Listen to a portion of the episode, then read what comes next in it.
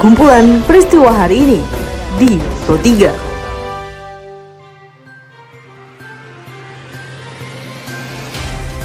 Halo pendengar, selamat berjumpa kembali di podcast Pro 3 RRI dengan kumpulan peristiwa yang terjadi pada hari ini. Seperti biasa, pendengar pada podcast ini saya akan mengulas isu-isu aktual yang masih hangat juga ramai diperbincangkan di sekitar kita. Tentu saja nanti akan saya hadirkan cuplikan informasi dari reporter kami. Saya Tika Nantia, inilah kumpulan peristiwa Pro 3 di ruang dengar Anda.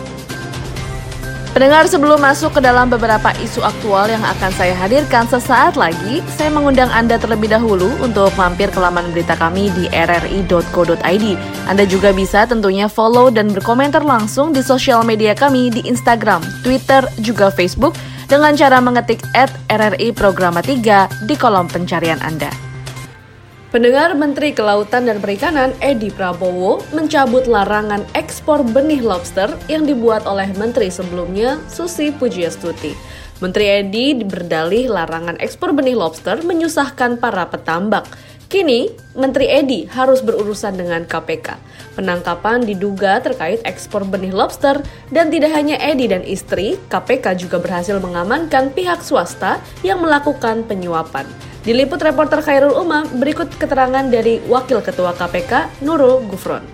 Di Suta, sekitar jam 1.23 dini hari, ada beberapa orang, baik keluarga dan juga uh, apa, uh, orang Kementerian KKP. Jadi detailnya nanti kita ekspos ya dalam perkara apa dan KPK telah mengamankan sejumlah pihak pada hari Rabu tanggal 25 November 2020 di beberapa lokasi di antaranya adalah Jakarta dan Depok, Jawa Barat termasuk di Bandara Soekarno-Hatta sekitar jam 00.30 waktu Indonesia Barat.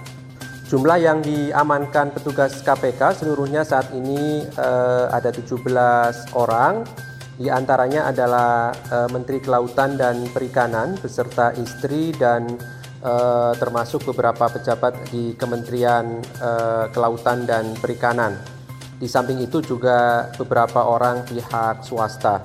Turut diamankan sejumlah barang di antaranya adalah kartu debit ATM yang diduga terkait dengan tindak pidana e, korupsi tersebut dan saat ini masih diinventarisir oleh e, tim penyidik KPK.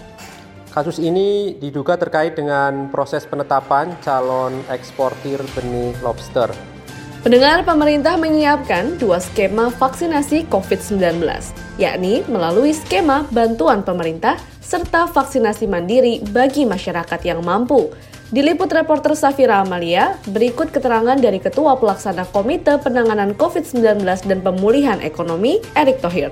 Yang mandiri, ya masyarakat yang memang mampu, sehingga memang bisa berbayar sendiri. Dan ini merupakan kontribusi yang tidak kalah pentingnya karena memang tadi jumlah penduduk Indonesia yang sangat besar. Nah, tentu kelompok masyarakat yang mempunyai kemampuan lebih ya sudah seyogyanya bisa membantu pemerintah juga dengan membayar vaksinnya sendiri. Pada peringatan Hari Guru tahun ini, Menteri Pendidikan dan Kebudayaan Nadiem Makarim membuka seleksi untuk guru honorer menjadi pegawai pemerintah dengan perjanjian kerja atau P3K. Ada satu juta kuota formasi P3K ini, Diliput reporter Rini Hairani, berikut pernyataan dari Menteri Pendidikan dan Kebudayaan Nadiem Makarim. Formasi guru P3K itu terbatas dan ada kuota-kuotanya. Jadi banyak sekali guru-guru honorer kita harus menunggu dan mengantri untuk bisa membuktikannya.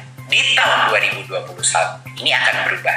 Semua guru honorer dan lulusan PPG bisa mendaftar dan mengikuti tes seleksi tersebut. Dan semua yang lulus seleksi akan menjadi dijamin menjadi UP3K hingga batas sampai dengan 1 juta guru. Berarti ini yang sangat penting.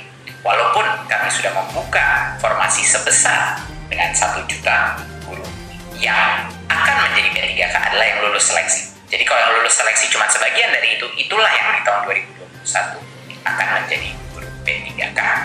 Informasi lainnya pendengar Komisioner Bawaslu RI Muhammad Afifuddin mengungkap terdapat 1.820 kampanye tatap muka yang melanggar protokol kesehatan. Diliput reporter Fitra Maria, berikut keterangan dari Muhammad Afifuddin.